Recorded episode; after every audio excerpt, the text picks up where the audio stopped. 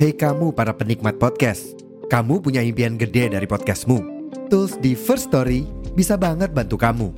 Mulai dari F-Link, Dynamic Audio Insertion, sampai statistik yang komprehensif, semua ada di First Story.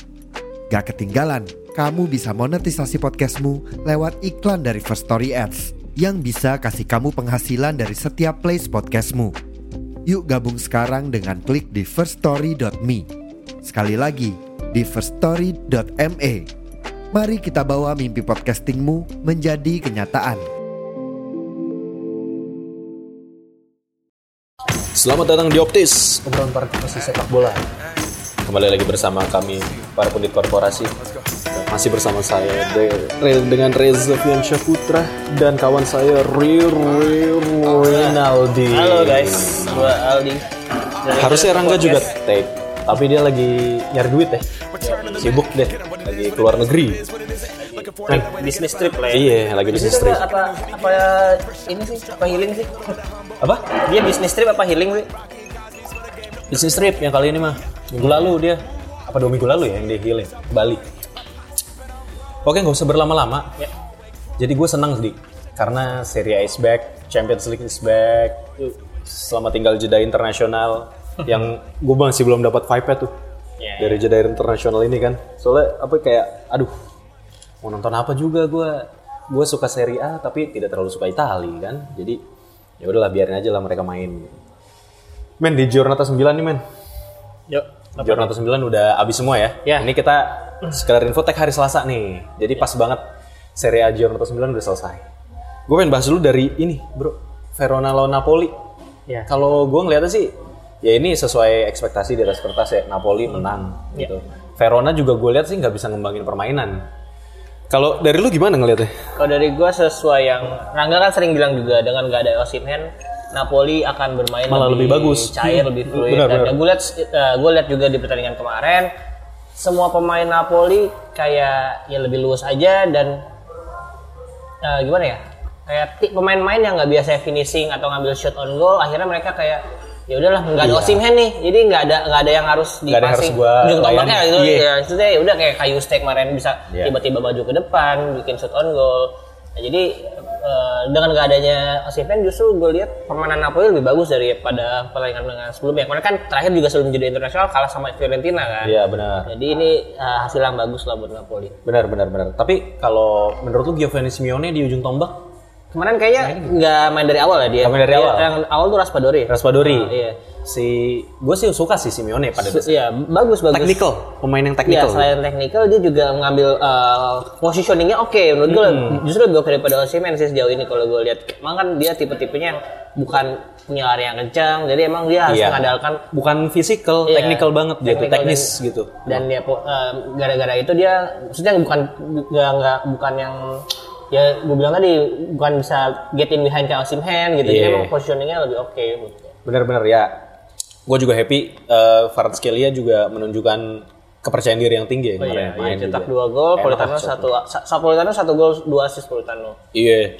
Jadi ya menurut gue sih Napoli tanpa Osimhen masih Ya. masih jadi ini lah. Baik-baik aja. Baik-baik aja, baik-baik aja. Ha-ha. Dan sebenarnya Rangga bilang juga lebih baik emang Osimhen dijual aja karena gue baru lihat juga tadi di sosial media ada video dia marah-marah ke fansnya. Iya, yang di, di dalam mobil kan. Iya dalam di mobil dimintain tanda tangan dia kayak mungkin lagi buru-buru juga terus sampai ya gesturnya nggak enakin nggak nggak enakin Iya. banget sih kalau menurut gue.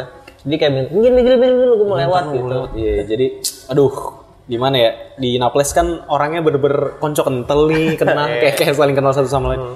Ya bukan bukan bukan gestur yang baik lah. Terus eh, ini bro Sassuolo lawan Lazio, Ya, gua ini juga. gua cukup happy karena Maurizio Sarri berhasil menang lagi. Gue cukup sebel. Kenapa sebel? Karena Sassuolo kenapa waktu lawan Inter nggak sejelek ini defense Nah itu bro, Sassuolo adalah tim yang mengalahkan Juventus Beda dan mengalahkan Inter. Dan ya. itu defense-nya nggak kelihatan kemarin anjir Ba- banyak banget bikin kesalahan dan dua dua gol Lazio kemarin dari kedua dari dua kesalahan Sassuolo. Sassuolo iya. Golnya dari Felipe Anderson sama Luis Alberto ya. Iya. Lazio ya. Yang pertama salah passing, yang kedua salah antisipasi bola ya crossing gitu. Jadi ya eh, sebenarnya gol-golnya agak agak agak ini juga sih agak hoki lah bisa disebut karena walaupun sega, dari se- segi permainan gue juga udah melihat agak sedikit membaik Cuman gol yang kemarin tercipta bukan dari open play atau set play yang dibangun dengan baik gitu dari Sari. Iya sebenarnya, tapi ya ya itulah gue heran kenapa Sassuolo tidak berhasil menunjukkan permainan yang kayak lawan Inter sama Juve ya. Jadi jadi di, malah di kandang lagi kan? maksud kandang gua, Iya, di- malah, malah kecurian poin. Oke lah, cukuplah Sassuolo Lazio ya. Maksud gue ya gue happy lah Lazio bisa menang. Terus ini bro, ini gue gue menarik ini pertandingan ini Roma sama Monza gitu. Hmm, ya ini, Ini juga seru sih. menurut gue pertandingan yang cukup seru. Jual kalau dibilang jual beli serangan nggak juga, tapi Roma nyerang terus nih di sini kan. Terus akhirnya sampai menurut gue anginnya agak berubah itu tuh pas Danilo D'Ambrosio di kartu merah, merah, sama wasit. iya. Nah itu di sana eh, mulai berubah tuh. Jadi dikurung sama Roma, walaupun berber masih alot sampai akhir. Terus ya udah akhirnya dapat gol dari eh, si El Sharawi yang akhirnya dia agak terharu nangis gitu di di ujung pertandingan itu. Karena dia ini kan ya, apa dituduh Judi, itu, judi, iya, iya, judi, iya, judi dia- kan? Ya masuk dalam list yang kemarin ada ada masalah judi itu lah. Cuman dia juga nggak membenarkan, dia membantah, dia nggak ikut judi. Iya. Dan eh, sama kayak Barella juga, btw Barella juga. Tapi kalau judinya sabung ayam nggak apa-apa kan ya? Ya kan judi yang Soal yang judi yang bola itu bebas sih. bolanya itu dan yang ilegal itu kan yang dibolehkan. Iya sebenarnya. Dan terus kalau gue lihat sendiri ya memang ini duel yang menarik ya karena kan Roma juga eh, seperti yang gue bilang offense-nya lagi bagus, sedangkan Monza defense-nya lagi Ini bagus. tiga kali kemenangan beruntun. Dan clean sheet semua si Betul, Monza. betul. Nah itu jadi si Roma. Lu bilang Monza, si Monza. Monza juga. Monza Oh, tiga, gitu. tiga pertandingan tuh clean sheet dia. Ya ini kemenangan ketiga Roma beruntun kalau nggak Oh, salah. sama? Iya sama. Oke. Iya ini kemenangan ketiga Roma Oh beruntun. berarti Monza, eh, Monza terhenti nih oleh iya, Roma kan? betul ya? betul. Ya, kalau gue sih bisa bilang andaikan D'Ambrosio nggak di kartu merah, jalan pertandingan akan berbeda. berubah, benar. Karena ya, Roma juga masih eh, banyak ancaman juga, terbukti dari shoot on target masing-masing sama-sama 4. Walaupun si Roma secara shoot jumlah totalnya tuh sampai 21 banyak Iya. banget, tapi itulah Lukaku. Iya Lukaku iya bener. Nah gue nonton nih bro. Yang Maksud gua terakhir ya? Lukaku, Iya Lukaku kayak ini striker tuh sebenarnya bagus banget positioning nge- bisa ngedorong back kan. Iya, Tapi untuk finishing tuh ya gitulah Ah, kadang-kadang amatan gitu. kadang. Nah tapi yang mau gue notes di sini sedikit si Hashim Awar itu. Sebenarnya dia yang menurut gue tuh ngasih Hmm. ngasih ancaman-ancaman gitu loh. Yang beberapa kali dia shoot on target juga kan. Tapi sayangnya masih belum gol. Dan yang lucu kalau lu to- nonton sampai akhir itu ra- eh, pokoknya perpanjangan waktunya tuh sampai 10 apa 8 menit gitu kalau nggak salah. Sampai 10 Panjang menit. karena memang golnya terakhir-terakhir Sampai Di- menit 100 dia. Iya, Iya. golnya tuh di menit-menit akhir dan ada kontroversi bukan kontroversi nggak ada ya jadi jadi panjang lah intinya. Eh, di menit-menit keberapa gitu Roma dapat corner si De Gregorio, di Gregorio udah maju ke depan. Mm-mm. Ya, cornernya nggak berhasil, Gregorio, Oh, oh iya iya iya. udah Yang- udah pasrah Gregorio. Ini yang De Gregorio udah pasrah, Udah pasrah. Lukaku dapat bola Udah kan. bola. Udah lari berdua Mel Syarawi kan. Syarawi Syarawi. ya, gue. Habis itu first touch-nya ya Allah Lukaku. Iya, itu padahal kalau misalnya lu ya Mana gua kaptenin di seri Sama fantasi. gua juga Aturan aja. dia kan golin ya, Iya. lumayan dua kali lipat.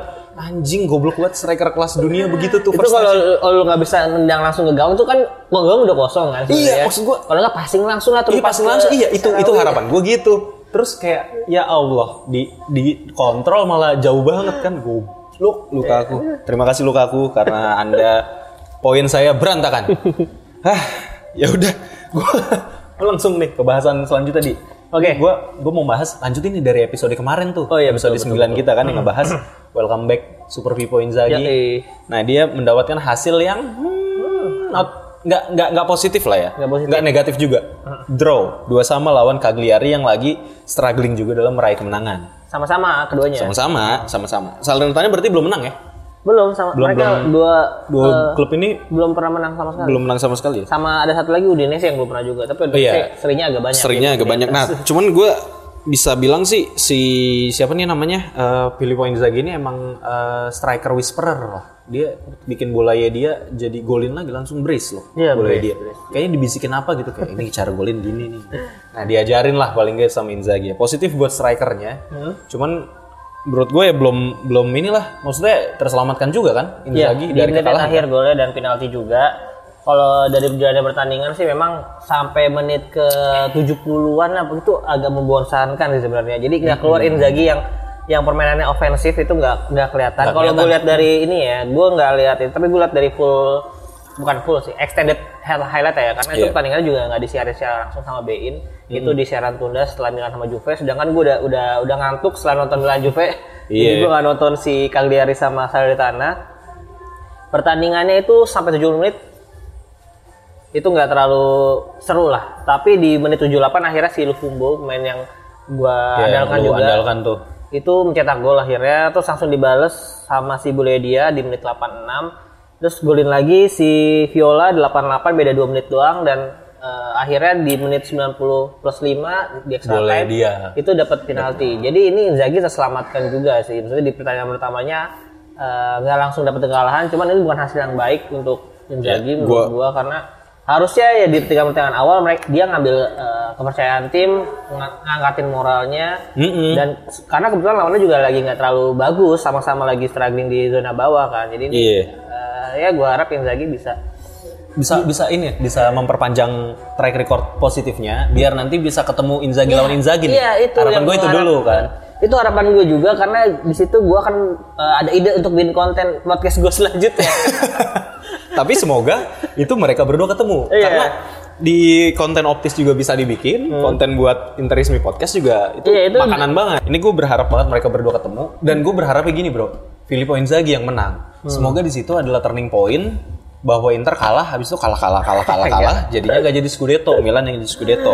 Ini ngomong-ngomong soal, Scudetto, kenapa gue ngomong kayak gitu? Karena gue ngeliat ya, untuk untuk mendapatkan Scudetto, Inter adalah tim di jalur yang tepat. Dia punya pelatih yang tepat, punya pemain yang tepat. Ini untuk Serie A ya, dan punya kedalaman squad yang tepat gitu. Dan akhirnya eh, berhasil ngeruntuhin juga nih eh, Torino. Iya. Eh, betul. maksud gue bukan Torino nih, sebenarnya Ivan Juricnya. Hmm. Soalnya lu kan berkali-kali bilang bahwa Inter itu selalu kayak punya punya kesulitan lah lawan Ivan Juric gitu. Akhirnya ini dibombardir, diberantakin Ivan Juric 0-3 nih men. Gue nonton beberapa, ini jujur ya gue nonton menit pertama doang tuh. Sampai belum ada gol, habis itu Iya. gue ngantuk, gue tidur. Iya. Itu itu sebenarnya permainan cukup cukup alot ya 30 menit Alot, pertama alot lah. banget, alot. alot. Eh, ya tapi gue nonton lah babak keduanya. Gue nonton babak keduanya. Gol-golnya itu gimana? Nah itu apa namanya? Eh ya udah alot abis itu berhasil golin si itu gol pertamanya Turam. dari si Turam Turam, Marcos ya. Turam akhirnya mau buntuan udah dari situ kayak ngalir dah gacor dah Inter dah Ya. Eh sebenarnya kalau bilang eh, dibilang Inter akhirnya berhasil meruntuhkan In- eh, Ivan Juric, menurut gua nggak terlalu juga ya. Karena di babak pertama seperti yang lo bilang tadi agak alot. Dan permainan itu baru berubah setelah si Persus itu cedera. Baik andalan mereka yang diincar banyak tim juga termasuk Inter, Inter juga eh, mau ngincar dia mungkin musim depan. Dia cedera dan kabarnya juga ACL atau bukan di lutut lah. Jadi ya get well soon juga untuk dia. Semoga nggak parah-parah banget cederanya. Jadi eh, karir sepak bola masih panjang ke depannya. ya Dan di situ menurut gua berubah banget. Dia digantikan oleh uh, Sanozov kalau nggak salah namanya dan Sanozov itu mainnya ya mungkin belum panas juga. Jadi ya menurut gua agak kacau lah. Terus uh, seperti yang gue bilang juga di episode sebelumnya, Inter ini uh, gue rasa akan bermain uh, telat panas lagi. Karena habis jeda pertandingan dia mungkin membaca permainan Torino dulu gimana baru di akhir, akhirnya di menit ke-60-an Oh, iya, benar. dia mulai mencetak gol. Seperti yang biasanya lah pokoknya 60 ke atas tuh baru cetak gol. Settingan pabriknya Inter Liga ya justru yang itu yang yang gue seneng sih daripada dia ngegas di awal ke- ke- kehilangan bensin di akhir terus nggak bisa killing game ya mendingan babak kedua aja lah. Dia mengevaluasi pertandingan babak pertama sehingga ya si Inzaghi juga memberi eh, masukan pemain-pemain yang tepat tuh di menit ke 55 ada si Dumfries, Carlos Augusto sama Fratesi yang merubah jalan pertandingan.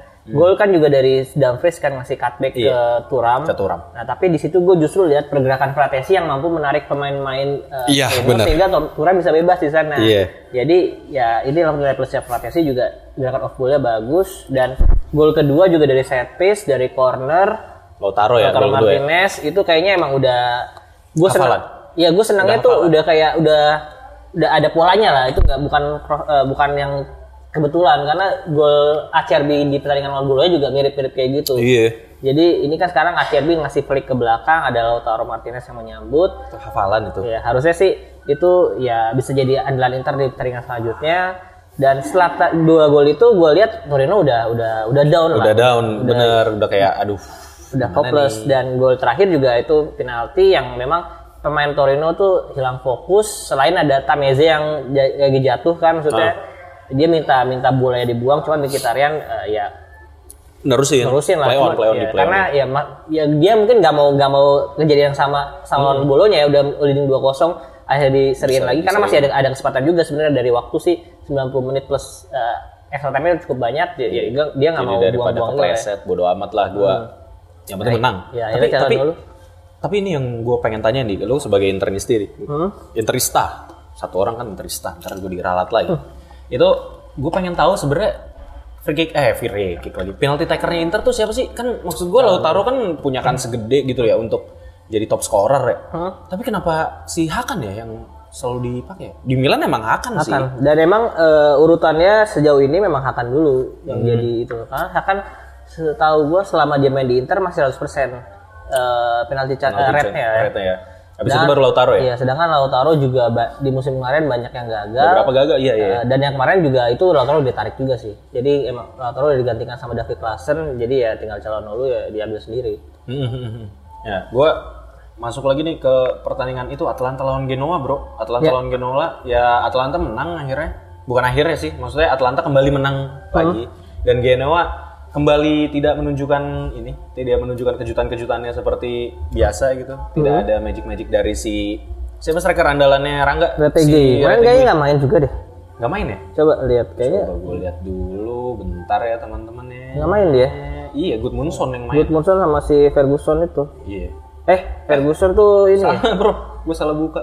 Mana mana mana mana. Goodmanson mana? Good, Goodmunson kan yang, yang Ferguson tuh bolonya, sorry. iya iya iya iya. Enggak, gue tadi malah ini, malah ngelihatnya Genoa lawan Milan geblek, bukannya Genoa lawan Atalanta.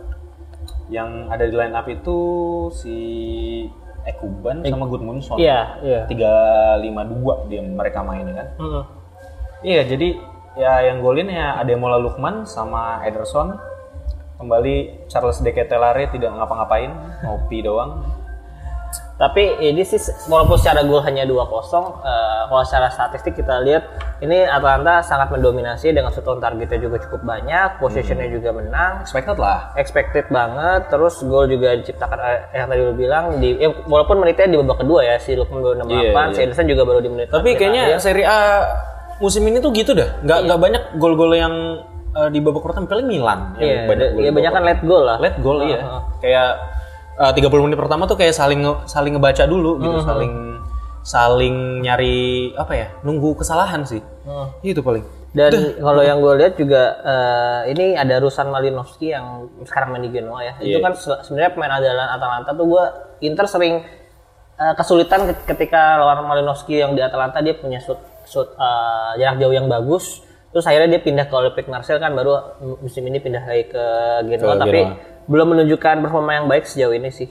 Menurut gue. Nah, terus gue kaget nih bro. Apa? Ini gue masang, Oh, iya. gue masang si ini. Ini gue mau lanjut ya ke pertandingan Fiorentina lawan Empoli. Gue Hmm. masang si Bonaventura jadi vice captain gue di Serie Fantasi kan. Hmm. Gue berharap dia memberikan inilah eh, kontribusi gitu untuk gol atau assist. Eh, malah Empoli clean sheet. Ya, Fiorentina yang terjungkal di apa Artemio Franchi ya kandangnya. Iya, betul. Di Artemio Franchi. Ah, kalau gue lihat sih emang inilah apa kayak Empoli kan mainnya sabar ya. Hmm. Mereka mainnya bertahan. Emang mereka punya inilah punya back yang bagus sih. Gue suka sih Tom, Thomas Ebuehi itu loh. Itu tuh lumayan kokoh tuh Ebuehi di belakang. Nah ini Fiorentina gue ngelihatnya kayak mereka passing passing passing passing tapi nggak ada juntrungannya gitu ya. Bisa itu di counter dengan kesabaran dari si Empoli kan.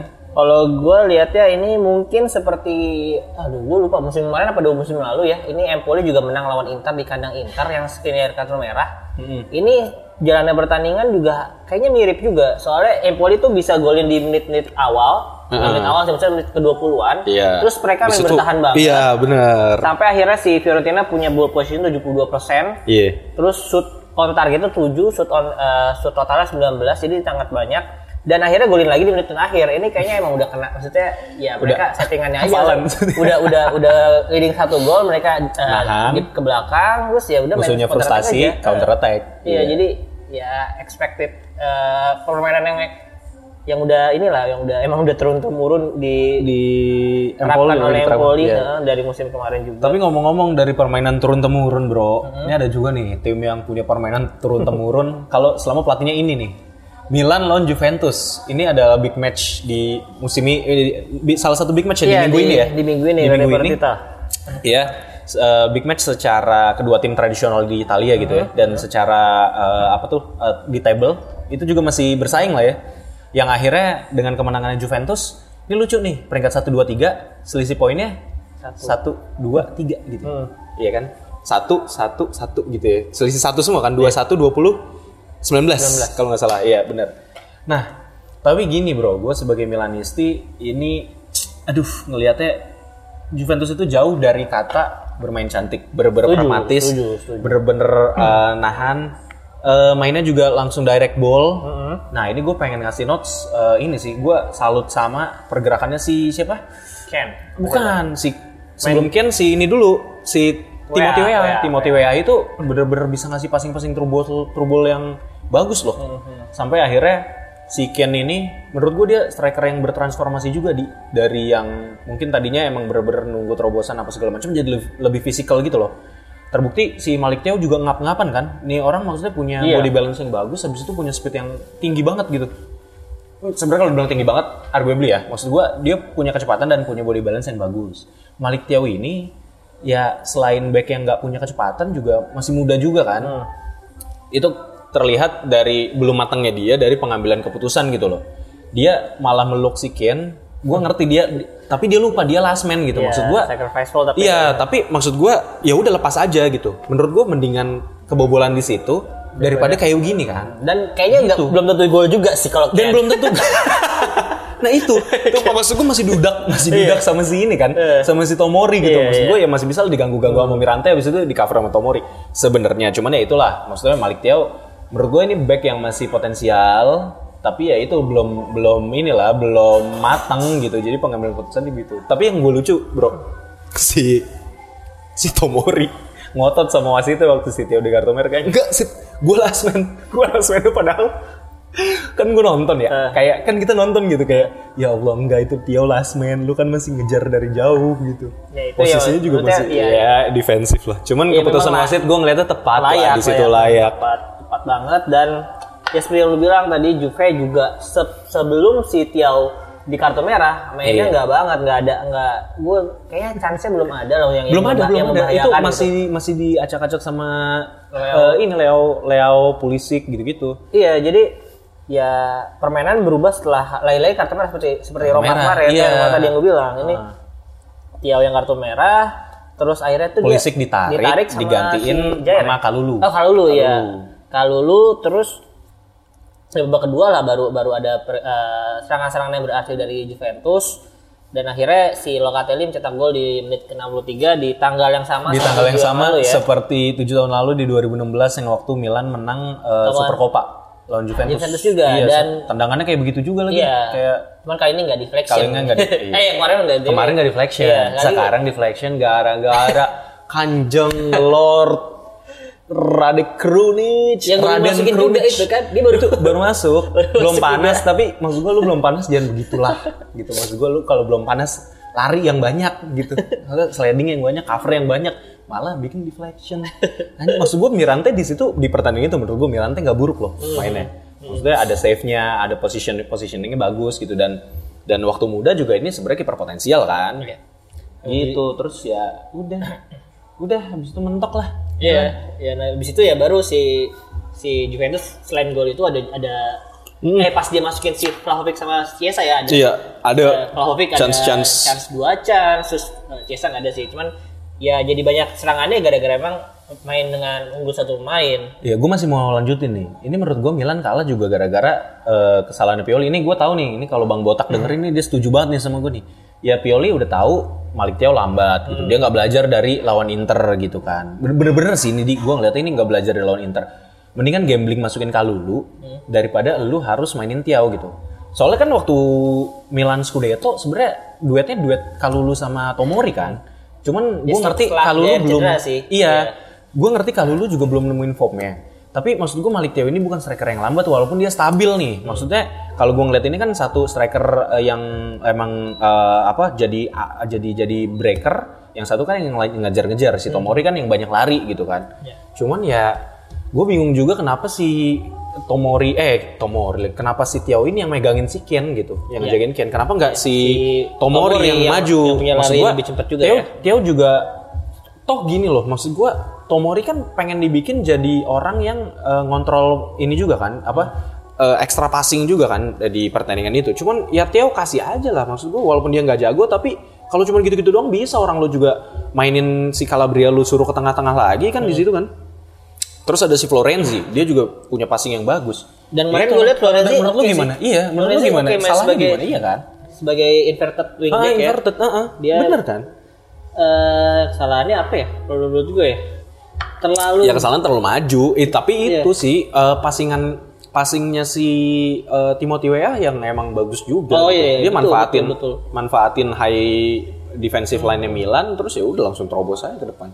Itu sih. Kalau menurut gue sih eh, bukan kesalahan sih, cuman aneh aja sih si udah tahu Allegri ya Juve musim ini bermain pragmatis. Terus eh, si Pioli juga gimana ya gue bilang ya karena si Leo itu eh maksudnya dari gue di babak pertama gue sering lihat Leo dapat bola dia gocek gocek step over step over nggak jelas tapi nggak ada orang nggak ada lewat. orang, nggak ada yang lewat dan yang diumpan juga maksud gue bukan yang diumpan ya, umpannya juga nggak yang bagus Iya, dan- banget. dan gitu. crossing crossing mulu main ya Iya. Nggak nggak cari lewat tengah uh, one to touch One to touch, iya iya bener maksud gua harusnya dia agak agak ke tengah, lu passing ke Giroud, Giroud bisa mantulin gitu loh. Itu kan signature Leo harusnya ini malah umpan-umpan. Gua main nggak tahu. crossing lagi crossing lagi Terus terus gua nggak ngerti disuruh sama Pioli apa emang dia jadi nggak pede gitu aneh banget dah. terus Jovic masuk kayak gitu gitu juga masih gue kenapa nggak masukin over over cedera nggak sih Enggak, emang belum nemuin iya kan maksudnya ya cari gaya main yang berubah dengan masukin Okafor gitu yang punya kecepatan juga nggak bukan main post play yang kayak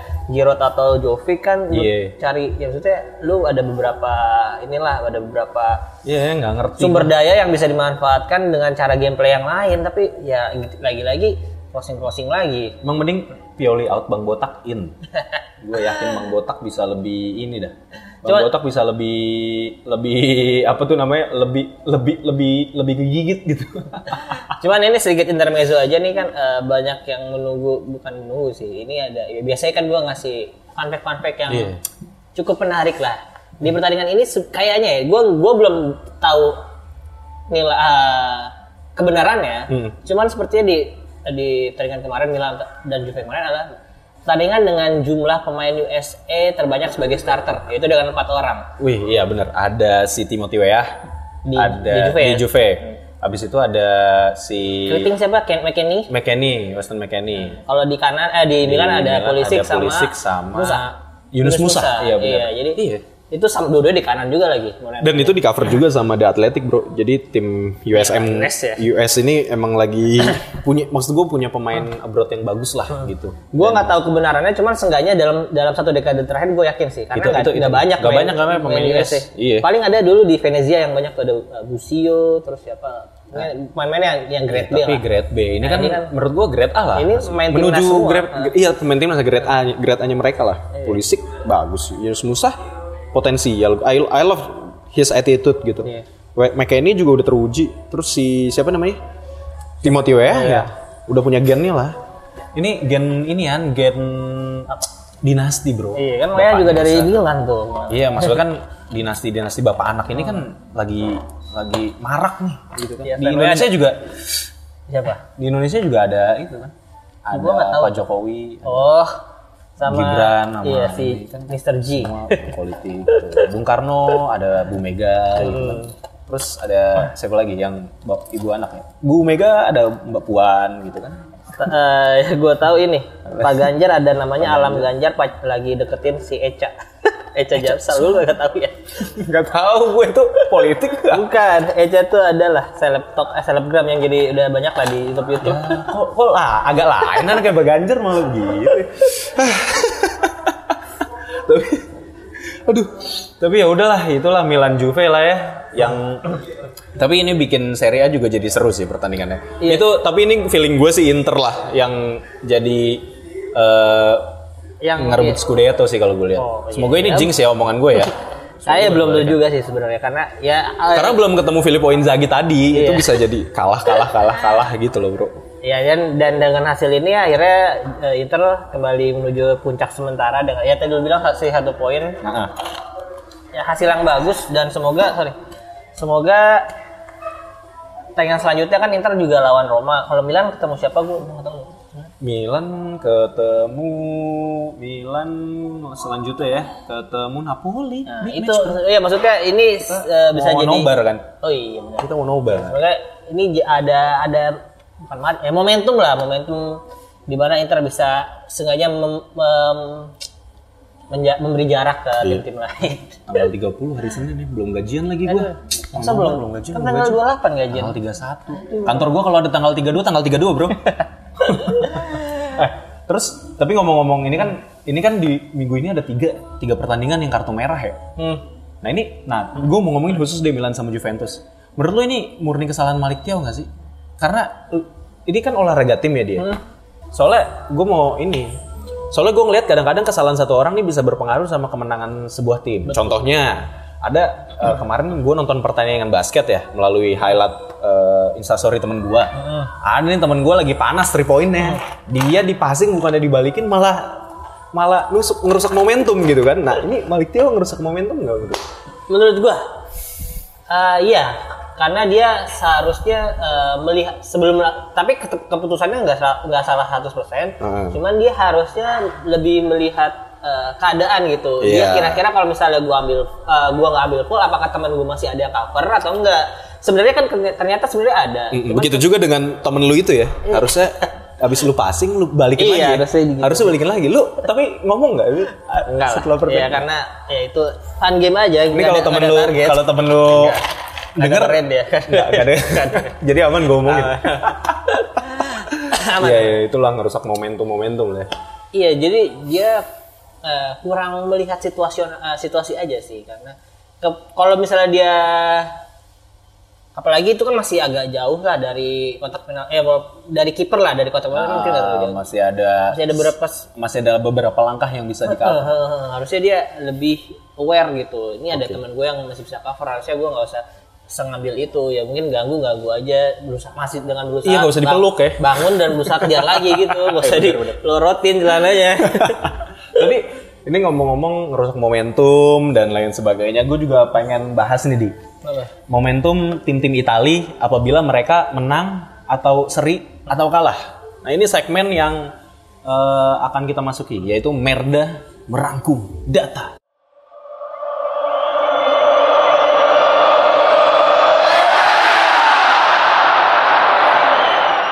Nah, deh, gue pengen ngeliat ini di Liga Champions, bro. Ini kan kita tayang Kamis ya, Insya Allah tayang Kamis. Terus eh, itu kan berarti pertandingan Liga Champions sudah jalan Udah semua tuh. selesai, ya. Hmm. Nah, gue pengen bahas lebih ke ini, apabila mereka menang seri kalah gitu ya. What if, what if, what if nih.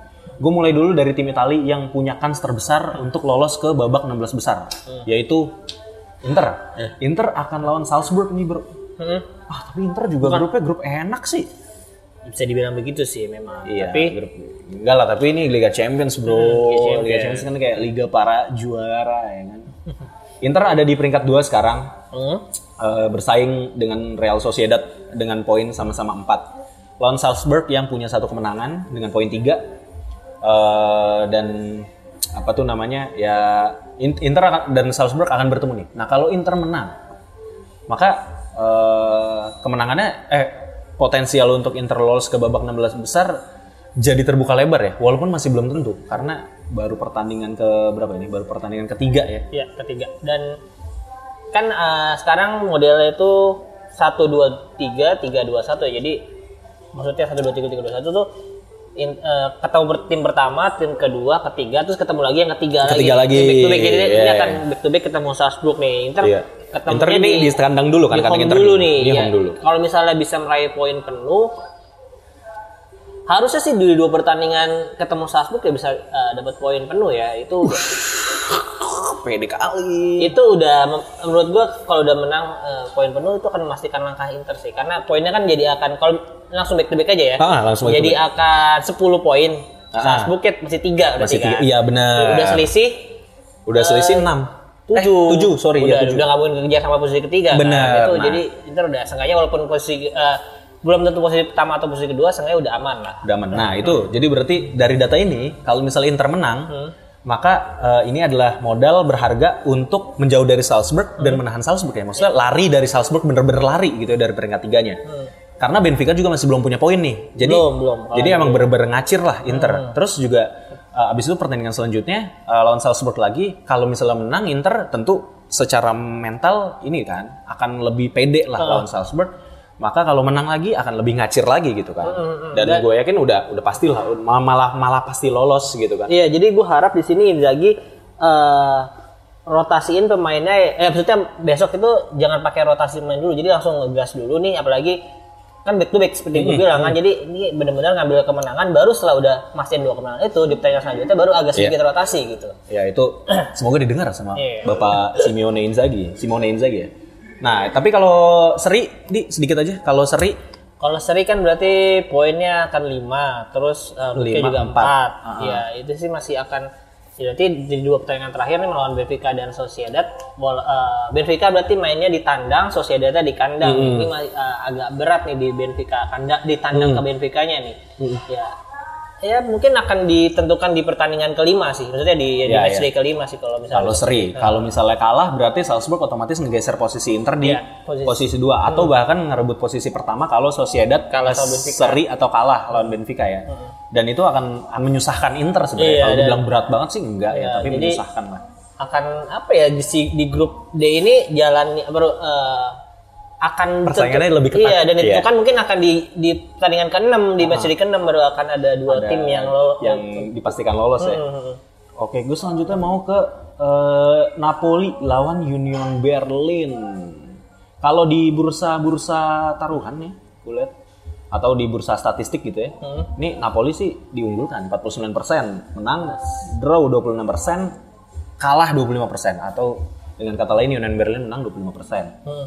Nah, kalau gue lihat eh kalau menang dulu ya, kalau misalnya Napoli menang otomatis dia itu dapat eh, nilai 6, poin 6 sama kayak Real Madrid yang akan bertandang lawan eh ber- eh, bermain melawan Braga.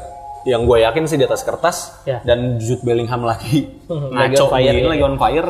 Ya ini jadi kemenangan buat Real Madrid lah ya. Lawan Iya. Braga. Nah, terus ya Napoli bertandang ke Union Berlin gua rasa sih ini kalau misalnya menang ya udah bisa mem- bukan memastikan ya memperbesar probabilitas Napoli untuk Jadi eh, posisi kedua. jadi posisi kedua atau lolos karena kan tadi ini back to back lagi di kan tiga nanti lawan Union Oh iya, Berlin lagi kan di kandang kan Hmm, nah ini jadi na- nasibnya menurut gua sama nih kayak Inter nih Hmm. Napoli asalkan bisa menang habis itu eh, terus dia bisa menang lagi lawan Union Berlin maksud gua eh, karena dia udah dapat momentumnya gitu ya ya udah ya pasti lolos nih Dan mungkin Gitu ya. kalau dari kita lihat dari sisi Union Berlinnya ini kalau gue lihat dari 8 pertandingan terakhir Hmm. mereka selalu kalah. Dan ini berarti hasil yang sangat buruk ya, nggak seperti musim lalu Union Berlin lagi bagus-bagusnya. makanya dia lolos UCL kan Iya di posisi keempat kemarin di eh, ini kan musim debut mereka ya. Mm-mm. Dia sebelum pertanding eh sebelum pertandingan maksudnya terakhir menang itu di tanggal 26 Agustus itu udah udah lama hampir dua bulan yang lalu dan setelah itu kalah ya 8 kali ini benar terakhir itu kalahnya bahkan di di UCL ya lawan Iya. Braga itu agak dramatis ya sempat leading dua gol duluan si Becker itu Mm-mm. akhirnya di comeback terus gol terakhirnya juga di menit 90 plus plus jadi ah, sayang banget mereka gagal mendapatkan kemenangan pertamanya di UCL dari ya, di season debutnya ya. Nah di pertanyaan kali besok ya gua nggak ini kan kita ngeteknya sebenarnya udah ini selesai harusnya. udah ya. selesai harusnya Iya, gua rasa sih Napoli harusnya nggak akan mudah nih. Maksudnya ini kan habis eh, jeda internasional. ya Mungkin mereka ada beberapa evaluasi yang yang ingin di eh, untuk berubah untuk atau membangkitkan kembali Union Berlin yang musim- seperti musim kemarin kan. Nah ini Ya, ini bisa jadi partai kejutan ya. Makanya mungkin ke teman-teman yang dengerin ya bisa lihat lah hasilnya ini kalau Union Berlin menang berarti benar kata Aldi ada evaluasi dan positif dan Union Berlin menjaga asa untuk lolos karena poinnya jadi tiga. Iya. sama-sama tiga sama Napoli. Iya, karena secara eh, pemain-pemainnya tuh nggak nggak nggak jelek-jelek banget. Banyak main bagus gitu. Ada Kevin Volland striker timnas Jerman juga sempet kan. Terus ada Robin Gosens di belakang Robin ada Gosens, Bonucci. tapi gue nggak tahu ada Bonucci. Kadang-kadang ya Ah, Bonucci bisa mainnya di Juve doang, Bro. iya sih. Ah, gue udah jadi saksi Bonucci di Milan. tapi ini di, di kan waktu di Milan kan main 4 back ini di Union Berlin 3 back lagi nih gue apakah mau Bonucci Masa tuh, ini orang anjing emang. Maksud gua, masa mau diakomodir gitu mulu? Emang terus back eh, terbaik dunia kan nggak juga gitu ya, walaupun back bagus ya. Cuman Iya, terus gue bilang yang yang tadi si Baker itu kapten mereka yang sebenarnya juga bagus, tajam juga. Ada Diogo Leite juga yang dari Portugal kalau nggak salah. Terus ada adanya Semi Khedira ya, Remy Khedira. Ini secara komposisi, dinasti lagi nih. secara komposisi sebenarnya oke gitu mereka. Jadi Emang lagi lagi musim ya dinasti-dinasti gini ya, Di? ya gua gua harap eh, grupnya Napoli juga seru sih karena kalau kalau Real Madrid sih memang tampaknya akan melaju eh, paling atas di posisi pertama. Cuman ya tinggal Napoli sama Union Berlin aja Oke. nih yang mer- Mungkin kalau gua rangkum dari data ini berarti kalau misalnya Napoli menang maka dia benar-benar ngebuka eh, peluang untuk lolos, gede. Jadi mungkin menurut gua 75% lah ya. Ini kalau seri, kan? ah, kalau seri tetap jadi 55% lah ya turunnya ya. Ini ini tentu datanya angka segitu dari eh, opini gue ya teman-teman ya. Terus kalau misalnya kalah ya malah bikin seri poinnya mereka. seri poinnya mereka. Nah, itu bikin uh, kans lolosnya jadi 25% ya kan? Karena ya masih empat-empatnya jadi Punya chance. punya chance gitu. Ya, jadi gitulah kalau Napoli. Nah, gue pengen lanjut ke Manchester United. Nah, Lah, bukan ranah kita lah, Di. Iya, itu mah lagi, lah. lagi di bawah Copenhagen sama Galatasaray. Iya, iya, udah banyak itu yang ini. Gue dikit aja nih Lazio Feyenoord, Bro. Hmm. Ini kalau di wah, kalau di bursa-bursa taruhan dan eh, statistik ini Feyenoord dijagokan, Bro. Iya, 51%. karena di Dan Liga Belanda juga lagi bagus. Dia belum pernah kalah sama sekali. Iya. Iya, eh, PSV, AZ Alkmaar sama Feyenoord tuh belum belum pernah kalah di Liga Belanda. Pantes statistiknya begini ya. Iya. Kalau kita lihat ya. Ya walaupun kemarin dia sempat kalah juga sama Atletico kan di Liga Champions. Iya di UCL tapi. Nah tapi Lazio eh, di sini Lazio kalau gue lihat ya eh, itu poinnya sama-sama 4 sama Atletico dengan modal satu seri satu menang. Hmm. Lazio kan seri lawan Atletico terus menang lawan Glasgow. Ini sama. Boston persis- Celtic, ini Boston Celtic. Grup ini persis sama poinnya. Kayak persis itu sama Inter, Iya, sama empat Inter. empat tiga kosong. 4-3-0. Jadi ya udah mungkin gua rangkum aja teman-teman ya. Kalau Lazio menang, ini juga jadi eh, itu kansel Lazio jadi gede untuk lolos karena itu tadi sebenarnya kalau menang tuh enaknya adalah lu eh, melaju dan tim yang lu kalahin ketahan. Nah, Iya. terus kebetulan ini posisinya 2 sama 3 sama kayak Inter tadi nasib ya. Kalau menang back to back udah pasti Lazio lolos. Udah pasti Lazio lolos lah. Iya.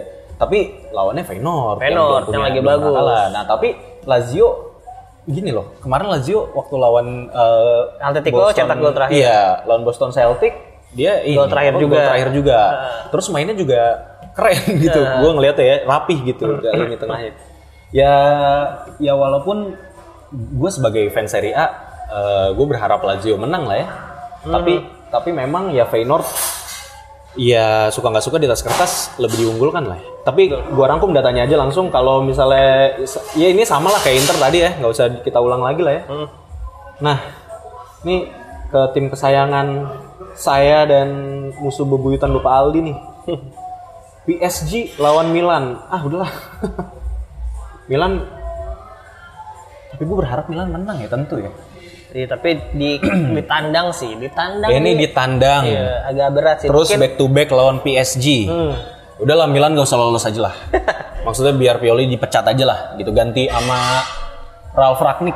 Ah, ah, ganti sama Ralf Ragnik atau ganti Antonio Conte. Nah, itu boleh atau ganti sama Roberto De Zerbi. Ah, atau ganti sama eh atau ganti sama eh, Jurgen Klopp. Atau ganti sama Pep Guardiola. Wah, enak ya. gimana itu? Mereka gimana mau ngelepasin tim yang sekarang? Atau yang realistis, gua suka sebenarnya pelatihnya si Sassuolo, walaupun gua nggak tahu tuh. itu Dionisi. Si siapa? Dionisi, Dionisi. Eh, ah. Nah, tapi gini teman-teman, ini eh, kalau gue lihat PSG Newcastle poinnya 4 kemarin ngalahin PSG, PSG poinnya 3, Milan poinnya 2. Ini kurang lebih sebenarnya sama kayak Inter dan Lazio, tapi posisinya Milan yang ketiga nih. Nah ini kayak kalau kalau dari tadi kita bahasnya kayak eh, kita PD Inter atau Lazio yang lolos gitu ya ngejauh. Nah ini kalau misalnya Milan kalah, ini PSG yang ngacir nih, ya kan? PSG poinnya 6, Milan ketahan di dua gitu ya. Terus gua nggak tahu nih Newcastle lawan Dortmund gimana gitu kan? Ya ini menurut gua kalaupun eh, Milan kalah ini masih akan bergantung dengan hasil tandingan lainnya gitu Newcastle sama Dortmund. Gua ini kan Dortmund coba lihat deh, kayaknya main di kandang deh Dortmund. Dortmund itu bakal lawan Lawan Newcastle di kandang, di kandang kan. kandang, nah, gila. gua rasa Dortmund bisa menang nih di sini. Jadi eh, hasilnya akan seru gitu grup ini. Kalau misalnya Mi- Kalau Dortmund menang, Dortmund menang tambah seru tuh PSG misalnya menang ya Milan masih punya chance lah ya. Eh, tapi kalau PSG menang agak susah bro. Dia yang poinnya 6. 6, Dia yang ada di atas. terus Dortmundnya 4, Newcastle sama juga 4, Milannya masih 2 nih. Masih dua. Tapi masih ada sisa tiga pertandingan lagi. Sekarang kan Milan lagi di tandang. Nah, di kandangnya mungkin Kalah lagi. harusnya sih kalau gua jadi Pioli ya, ini main di tandang melawan apalagi mainnya di Paris Saint-Germain. Hmm. Main negatif football aja sih. Dengan di di di di, di, di pertandingan tandang, ntar malam di tandang ntar malam ini ya? iya. Ah, iya. di tandang ini mendingan lu ngincer seri aja sambil berharap ada counter attack yang bisa membahayakan buat Hmm. PSG ya main, main ngandelin Leo aja lah kalau justru gue lihat Milan tuh lebih bagus ketika main counter attack daripada main position dari main football. position football. Tapi gue setuju sama Kodoni tuh. Iya. Milan ini Kodoni position siapa football. dulu lu oh, kan iya. Gini teman-teman, gue juga kan ngikutin nonton ini ya Pin Sport ya, karena kebetulan eh, kami juga cukup berlangganan lah ya jadi narasumber di sana. Kodoni ini ini CEO-nya Sorcelli, Sorcelli. dan dia Milanisti juga. Nah di episode eh, Terbaru terbaru dari Pin Sport ini dibahas nih Kodoni bilang bahwa Milan itu main possession football tapi agak keblinger karena sebenarnya kayak kebanyakan lari ya si Milan ini bukan banyak kontrol kalau gue lihat ya. Nah tapi ya udah itulah. Ini ini teman-teman pas dengerin juga pasti langsung tahu ya. Ini apa yang denger Optips pasti tahu apakah Milan main negatif football Iya. karena hasil lu udah keluar kan. iya hasilnya udah keluar Tapi kita balik lagi ke eh, merangkum data ini. Berarti Iya. kalau misalnya tadi kan kita ngomongin kalau Milan kalah. Hmm. Nah kalau misalnya Milan menang, ya Milan poinnya 5 tuh. Terus eh, PSG tetap ketahan di tiga. Tapi itulah di grup ini Ada- poinnya itu masih tipis-tipis nih. Iya, gitu kan. Jadi kansnya masih sama-sama 25% kalau gue eh kalau nggak 25% ya 40% lah. Misalnya Dortmund kalah lawan Newcastle gitu ya. Mhm. Iya, Gitu sih. jadi, Jadi- grup ini sih menurut gue masih agak sulit untuk kita lihat ke depannya karena si tim yang selain Milan ini juga masing-masing punya chance. Dortmund bisa ngalahin Newcastle, Newcastle bisa ngalahin Dortmund, PSG juga bisa kalah sama Dortmund nanti. Jadi uh, di Giorata eh, di match ketiga ini masih masih agak sulit lah. Nggak seperti grup-grup yang tadi. Nggak ya. grup-grup yang tadi. Kalau kita grup-grup yang tadi kita kayak udah agak clear ya ngelihat ini ya, secara di atas kertas tentunya Iya, ya. Tapi kalau di sini di atas kertasnya tuh secara datanya tuh masih ketat banget. Iya, Newcastle bisa ngalahin PSG 4-1 juga nggak nggak terbayang sebenarnya mungkin bisa menang Karena tapi gua tipis. ngelihat nggak ada yang ngedominasi di sini setelah berjalan ya. Jadi itu sih dari segmen merangkum data kami. Nah, kita masuk ke bagian ini teman-teman, penutup. Nih ada quotes dari Aldi, harus lucu. Ah, anjir gue belum nyiapin apaan? Apa misalnya Apa? apa? Dari gua aja kali ya. Eh, dari lu aja lah di misalnya lu kan suka nonton konser gitu Heeh. misalnya kalau menurut lu apa yang du, eh, apa yang jangan dilakukan kalau nonton konser gitu Oh, duh gue kepikirannya Bau lagi ini aja lah ada. atau jangan beli merchandise banyak-banyak sampai juta-juta gitu eh, enggak, eh, jangan ditutup pakai quotes lah sekali-sekali di quotes eh, ditutup oleh sebuah lagu. apa tuh Sebuah lagu yang menggambarkan yang bercerita tentang anak sultan. coba gimana ini gua nggak kebayang Anak sekecil itu pagi-pagi ngunyah wagi.